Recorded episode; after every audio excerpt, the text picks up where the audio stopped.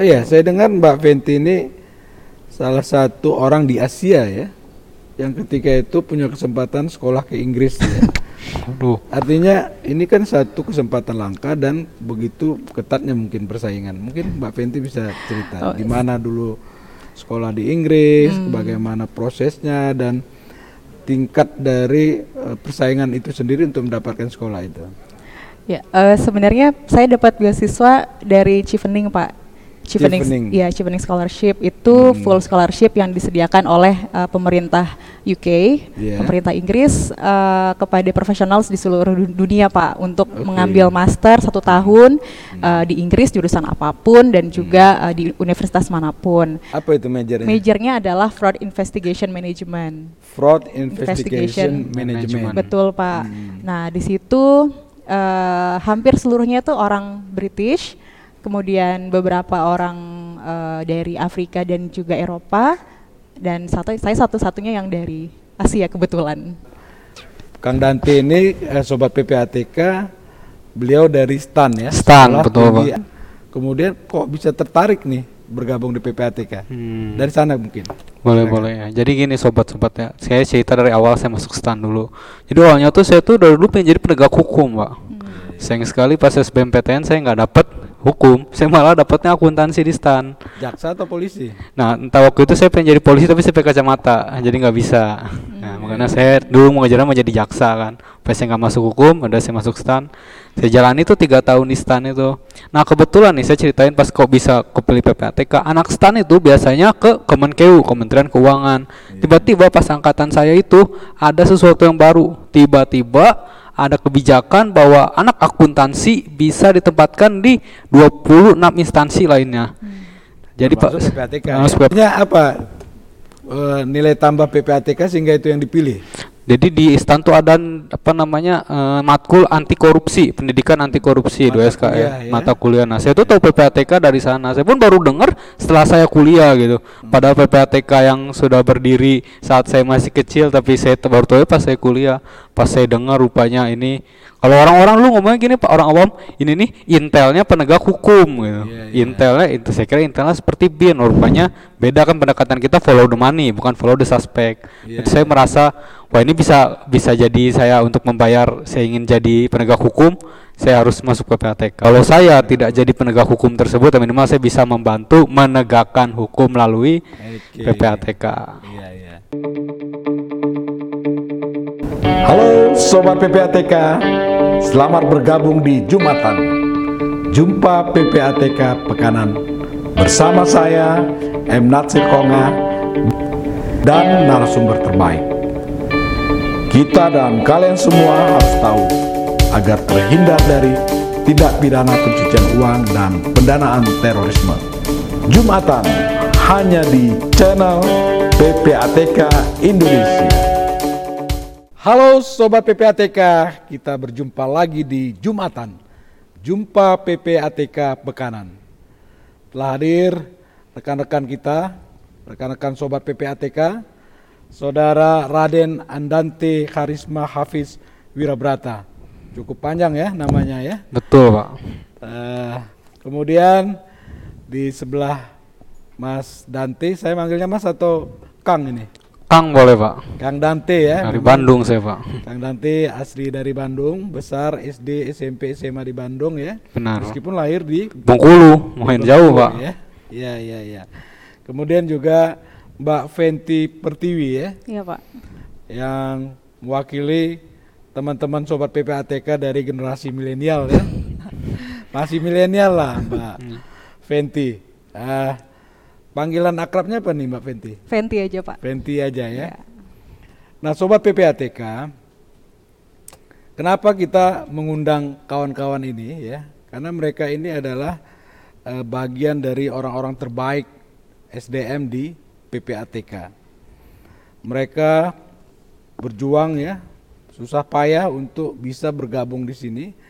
Setelah masuk kemari, ini yang mau kita gali dari mereka ini. Kira-kira kenapa ya? Kok Dante, Mbak Fenty ini mau masuk ke PPATK? Kemudian mungkin juga sobat PPATK bertanya, apa sih ya yang menantang di PPATK? Mungkin Mas Danti bisa cerita dulu. Silakan. Saya dulu apa Mbak Fenty dulu nih? Silakan. Saya dulu aja Kang kalau Danti, kayak ya. gitu ya boleh. Ini mau diceritain dari mananya Pak?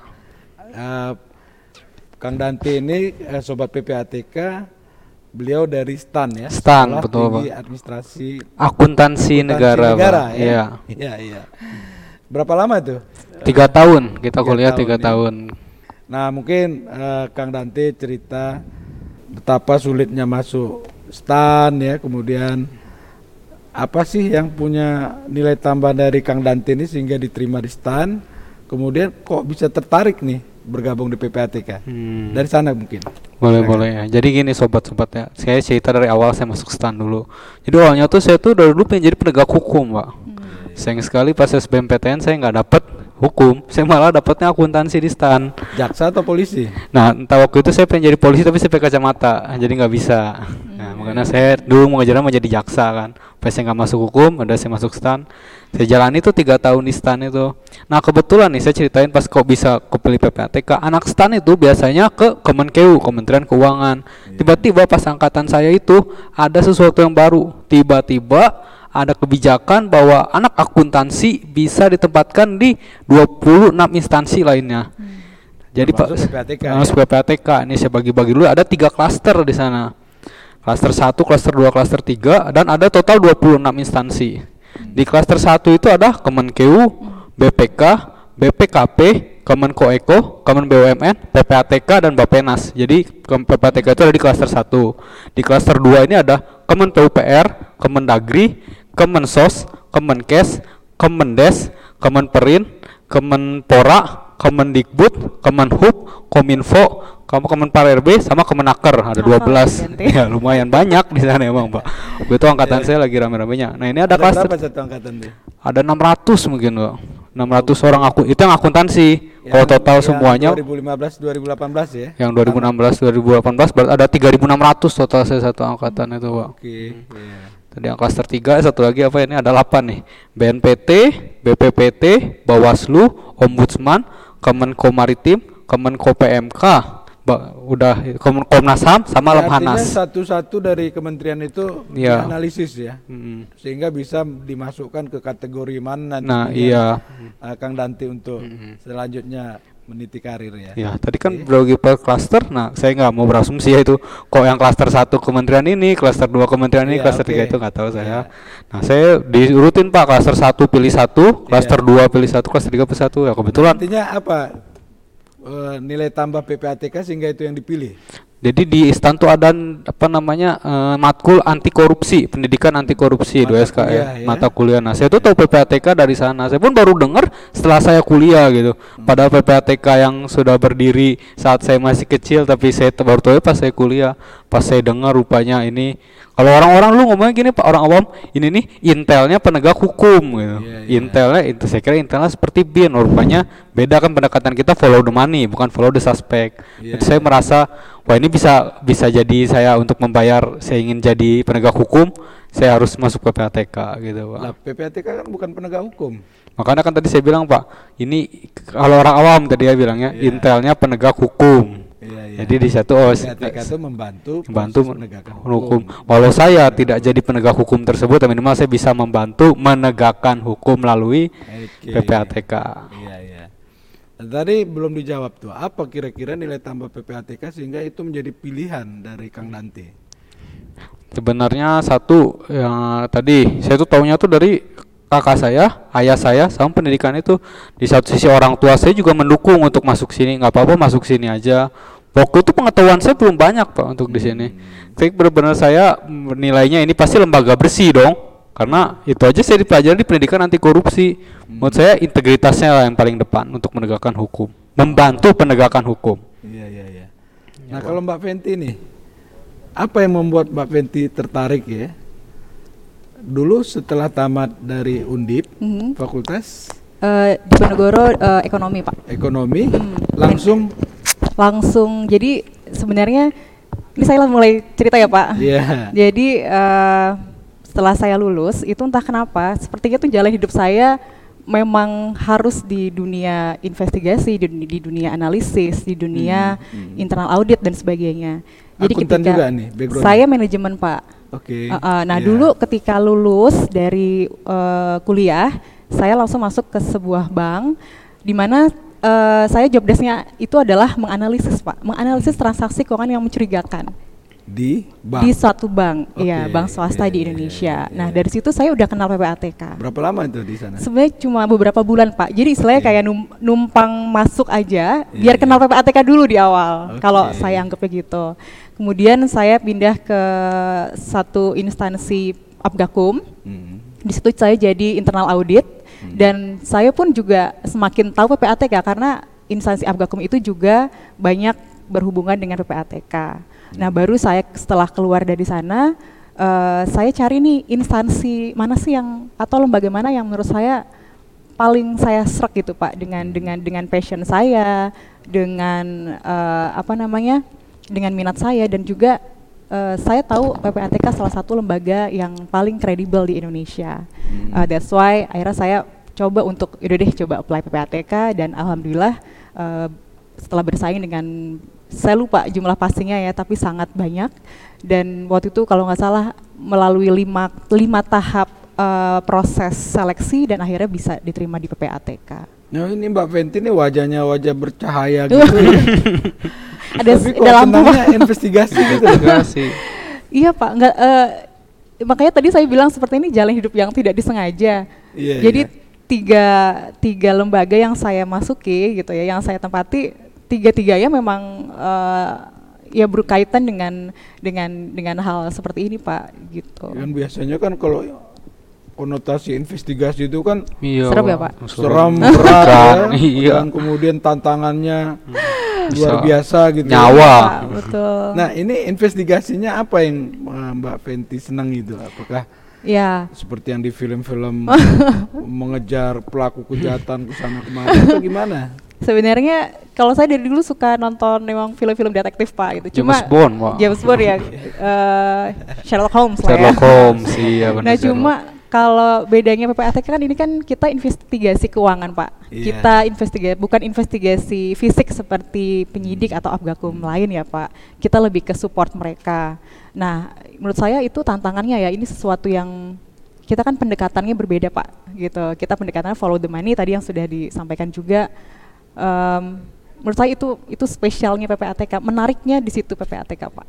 Virtual currency itu gimana sebenarnya ininya? Iya.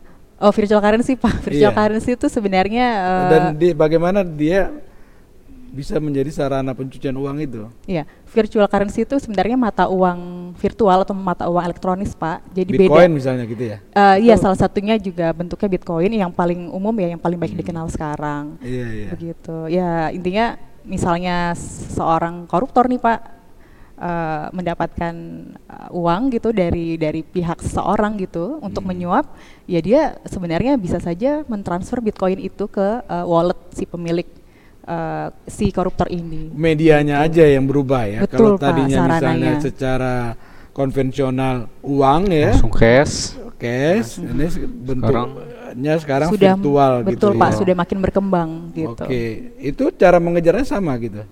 Em, beda Pak, kan beda ya kalau kita pakai em, transaksi di perbankan, kita masuklah ke bank gitu ya. Hmm. Tapi beda kalau dengan eh, misalnya virtual currency seperti yang tadi eh, di apa kita diskusikan ya Pak, agak beda. Itu perlu ada tools-tools khusus gimana biar kita bisa telusuri eh, aliran dananya. Kelihatan ini kan agak berat ya pekerjaannya. Tapi kok wajahnya ini aja sih kelihatan Happy ya Pak? happy aja. Skincare-nya mahal. Skincare. Oh, gitu. Nggak pakai loh. Kamu nggak pak, nggak pakai skincare aja udah kayak gini pak. Mungkin Mbak Fenty bisa cerita Oh, gimana dulu sekolah di Inggris, Hmm. bagaimana prosesnya dan tingkat dari eh, persaingan itu sendiri untuk mendapatkan sekolah itu. Ya, eh, sebenarnya saya dapat beasiswa dari Chevening, Pak. Chevening, Chevening. ya Chevening Scholarship itu Hmm. full scholarship yang disediakan oleh eh, pemerintah UK, Iya. pemerintah Inggris eh, kepada profesional di seluruh du- dunia, Pak, untuk Oke. mengambil master satu tahun eh, di Inggris jurusan apa pun dan juga eh, di universitas mana pun. Sebenarnya saya eh, satu-satunya Asia itu bukan eh, yang di Cheveningnya ya sebenarnya, tapi eh, maksudnya waktu itu ada 60 sekitar 60-an orang Pak terpilih dari Indonesia untuk berangkat ke sana di tahun saya waktu itu 2015. Nah, kemudian um, pada saat itu saya baru tahu saya satu-satunya orang Asia yang berada di kelas itu Pak. Jadi okay. yang mengambil major itu Apa itu majornya? Majornya adalah Fraud Investigation Management. Fraud Investigation, Investigation Management. Betul Pak. Hmm. Nah, di situ uh, hampir seluruhnya itu orang British, kemudian beberapa orang uh, dari Afrika dan juga Eropa dan satu saya satu-satunya yang dari Asia kebetulan. Iya, iya. gitu. iya. Apa yang diperoleh dari sekolah itu? Ya, uh, sebenarnya yang pasti itu kan si uh, majornya ini bukan major yang belajar teori ya Pak, lebih lebih ke praktikal gitu. Kita lebih uh, belajar praktek di sana seperti apa sih Pak uh, fraud investigation itu, gimana memanage uh, proses intelligence-nya di sana seperti apa, gimana teknik investigasinya jadi di sana juga banyak kayak expert-expert salah satunya mungkin dari PPATK-nya UK ya uh, eh, NCA yang datang atau dari uh, penyidik sana juga yang sharing gitu Pak uh, mengenai uh, praktek yang mereka lakukan di sana gitu. Jadi uh, sobat PPATK Mbak Fenty yang punya ilmu pengalaman yang cukup ya tinggi ya kalau saya bilang itu juga dirasakan oleh berbagai pihak dan untuk itu mereka mengundang Mbak Fenty sebagai uh, pembicara, sebagai narasumber dan sudah berapa banyak negara yang undang untuk dan event apa aja nih Mbak Fenty? Uh, uh, mungkin salah satu aja ya Pak. Salah satu yang menurut saya cukup berkesan Pak pada saat FATEF Joint Expert Meeting waktu itu di Moskow, Rusia tahun 2000 saya lupa 2017 atau 2018 Pak. Jadi waktu itu memang di challenge Pak untuk negara uh, untuk bisa sharing mengenai case-case yang pernah dihadapi. Jadi semacam sharing tipologi TPPU. Uh, eh, waktu itu yang jadi yang menarik Pak buat saya yang diminta adalah terkait uh, terrorist financing Pak. Gitu. Nah, saya di challenge, saya sebenarnya tidak punya banyak terlalu pengalaman dengan uh, TF atau terrorist financing. Kemudian Uh, tapi saya diyakini oleh atasan saya pada waktu itu gitu Pak, yang memberikan disposisi bahwa belajar, Fen. Kalau kamu belajar pasti bisa gitu. Dan saya waktu itu agak panik juga ketika dapat penugasan. Akhirnya ya sudah karena sudah di, di, diberikan kesempatan. Kalau saya tipenya kalau dapat kesempatan ambil, hmm. sesulit apa pun itu, hmm. pasti ada jalannya. Sobat PTPATK kita tunggu ya. Ini banyak sekali pengalaman menarik dari Mbak Fenty yang bisa kita gali ya, bisa kita elaborasi ya. Tapi nanti akan dijelaskan lagi oleh Mbak Fenty. Khususnya tipologi ini cukup menarik nih dari penjelasan tadi. Uh, mungkin nanti Mbak Fenty bisa sharing ke Sobat PPATK tipologi-tipologi dari pencucian uang itu yang menarik, yang penuh tantangan. Nah saya kembali ke Kang Dante ya. Siapa? Kang Dante ini dari kecil uh, sudah suka berorganisasi ya. Anak band juga ya, Kang Dante ya. Pernah jadi juara Hafiz Quran atau apa? Uh, Wah. Cerdas cermat Pak. Hafiz Quran. Sama yo ini Pildacil maksud saya Pak. Dulu Pildacil, saya ya, tapi okay. sekecamatan aja saya oh, belum sampai TV ya, Jadi itu. memang eh, tipe dari Keren. anak milenial yang selain suka bergaul juga banyak prestasi lah yang diperoleh gitu ya. Nah, sekarang sudah ada di PPATK. Alhamdulillah, Pak. Apa yang tantangan yang cukup menarik dari Kang Danti yang Kang Danti peroleh? Kemudian punya nggak sebuah harapan untuk mengembangkan dari uh, kesempatan bergabung di PPATK ini seperti apa gitu? Ya, kalau cerita tadi agak beda ya. Ini saya nih, ini Mbak Fenty nih.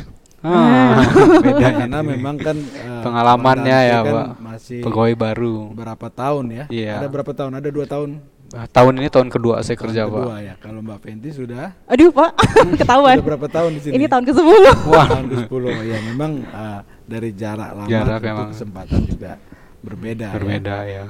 tapi yang inti yang ingin uh, sobat PPATK ketahui di sini adalah bagaimana sebuah semangat ya, semangat juang yang eh, kawan-kawan sampaikan, kawan-kawan berikan kepada bangsa dan negara ini. Ini yang mau Iya. kita eh, sharing ya dengan sobat PPATK. Silakan. Oh, saya sih senangnya Pak di sini orang tuh selalu berinvestasi pada instrumen keuangan. Padahal mereka tuh lupa investasi yang salah satunya paling penting itu di pendidikan. Maksudnya apa? Lembaga PPATK ini tuh mendukung gitu. Kalau misalnya kita mau ber apa namanya meningkatkan kemampuan diri sendiri kayak Mbak Fenty tadi kan udah banyak banget dibantu sama lembaga untuk terus berkarir di dalam pendidikan. Gue juga saya saya ikutan brevet, Pak. Terus kemarin ada bukan belum sertifikasinya sih di diklat dari ACVE Association Certified Fraud Examiner.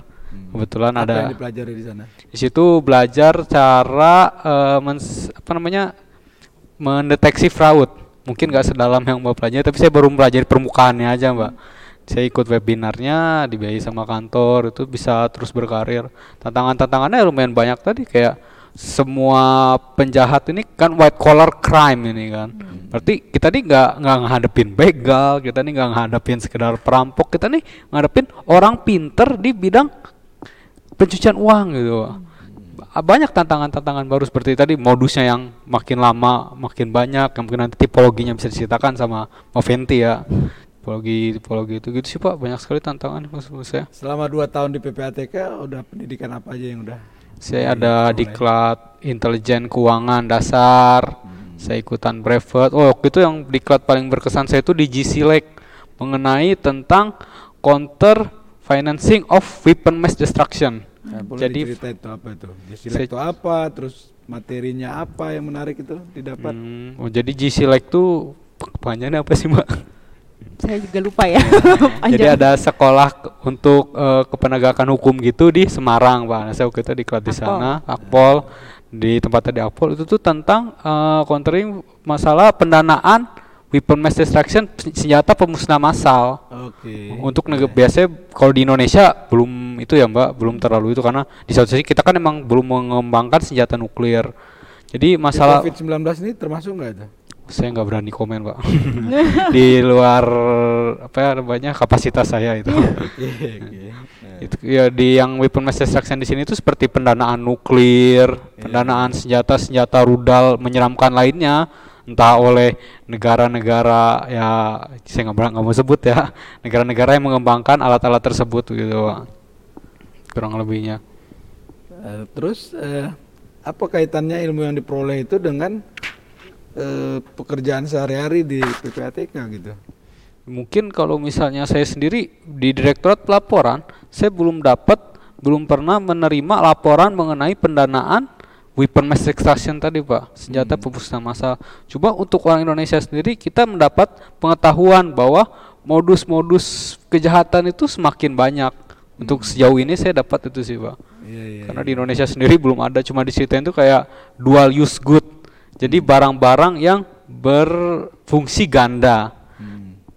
kayak diceritain contohnya tuh misalnya kita mereka nge-ekspor kul- impor kulkas nah dari apa namanya ada beberapa bagian dari kulkas tersebut yang digunakan untuk weapon mass destruction.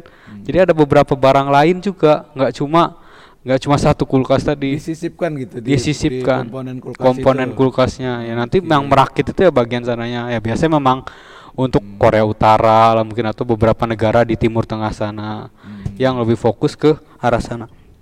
Ke arah sana. Iya, iya, iya. ya Nah, kemudian eh, apa yang menarik lagi ya, Kang Danti ya? Hmm.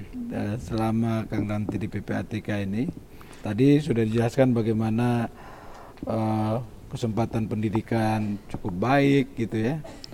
Kalau kesejahteraan gimana, Kang? waduh rezeki udah ada yang ngatur kan pak tapi alhamdulillah siapa yang ngatur rezeki saya sendiri yang ngatur kan mulai dari nyarinya ngaturnya saya sendiri kan kalau Ya, bukan rezeki Allah yang kasih. Allah yang kasih Tapi manage-nya kita, kita manage-nya ya. kita yang ngatur itu maksud saya Iya, oke. kalau misalnya membanding bandingin ya sebenarnya nggak baik lah cuma eh, alhamdulillah sih ya saya merasanya alhamdulillah lah pokoknya di sini nggak perlu sebut angka tapi saya sejahtera dan saya bahagia atas apa yang diberikan PPATK melalui saya. Karena begini, eh, kenapa saya harus bertanya seperti itu, Kang Danti itu konotasi orang terhadap PNS ya kebanyakan Iya. gitu ya, artinya masyarakat secara awam gitu, eh, PNS itu kan kerjanya ya apa istilahnya itu eh kerja nggak kerja ya dapatnya sama Dapatnya sama. gitu misalnya ya, kemudian ya eh kurang dianggap profesional lah gitu ya. Hmm. Nah, profesional nggak sih Kang Dante ini kalau kerja di PPATK? Alhamdulillah saya profesional, apalagi senior saya juga jauh lebih profesionalnya lagi. Iya. Jadi ba- bagaimana menjawab eh, asumsi ya dari sebagian masyarakat yang menganggap eh, PNS eh, ap- aparat sipil negara yang bekerja di sebuah lembaga itu agak miring gitu. Nah, Hmm. mungkin eh, bisa eh, bagaimana cara untuk memberikan informasi yang eh, cukup inilah bahwa anggapan itu sebenarnya tidak tidak benar gitu. Iya.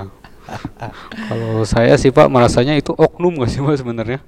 PNS yang nggak kerja tadi ada tapi segelintir. Hmm. Kebetulan di PPATK nggak ada yang kayak gitu sih Pak. Insya Allah nggak ada. Iya. Saya Se- yakin sih nggak ada yang kayak gitu. Iya. Di direktorat saya, senior senior saya, rekan kerja saya, alhamdulillah sejauh ini saya nggak nggak pernah Pak lihat yang istilahnya tadi nggak kerja tapi dapat bayaran nggak ada. Ya kalau nggak kerja ditegur atasannya gitu loh. Iya. Kayak gitu Pak. Kalau di sini profesional semua insya Allah lah. dari segi sejahtera juga Jadi, cukup iya. lumayan gitu. Nah ya. iya makanya kayak udah digaji lumayan, masa kerjanya sedikit malah kurang sih, gitu Iya, Pak. iya, iya. Nah ini kembali ke Mbak Fenty ya. Tadi terkait dengan tipologi. Ah, Tipologi apa yang selalu muncul kemudian menarik buat Mbak Fenty itu? Aduh, banyak ya Pak. Iya, Tipologi itu kan apa ya sering berulang Pak gitu. modus ya. Modus itu- operandi dari Betul, biasanya berulang gitu. Ya misalnya penggunaan um, shell company Pak, itu kan juga Oke, bisa. Jadi iya. dia yang banyak sekarang mungkin begitu ya. Jadi dia pakai uh, perusahaan Hmm. um, untuk menyembunyikan dananya. Perusahaannya ini apakah dimiliki oleh dia secara um, resmi? Hmm. Bisa jadi dia hanya sebagai beneficial ownernya atau orang yang menerima manfaat dari si uh, perusahaan ini. Bisa jadi kayak gitu, Pak Iya. gitu atau misalnya penggunaan pihak ketiga pihak ketiga tidak lagi hanya sekitar uh, keluarga atau um, misalnya istri anak gitu ya pak. Tapi Udah bisa jadi lagi itu ya. bisa jadi orang-orang yang benar-benar nggak ada hubungan sama sekali dengan si pelaku. Hmm. misalnya uh, security komplek rumah bisa dipakai uh, rekeningnya gitu. Hmm. atau tukang jahit langganan misalnya pak. Atau tetangga belakang rumah yang sulit apa ya pak sulit sulit sulit diprediksi gitu oleh uh, otoritas misalnya oleh si Abgakum dan juga oleh PPATK bisa jadi pak Loh, dan terus itu kok Mbak Fenty bisa tahu itu? nah balik lagi itu uh, sebenarnya kita kan analisis uh, laporan sumbernya ut- utamanya dari penyedia jasa keuangan pak contohnya Oke. bank Iya. selama bank itu bisa identifikasi dengan baik pak Hmm.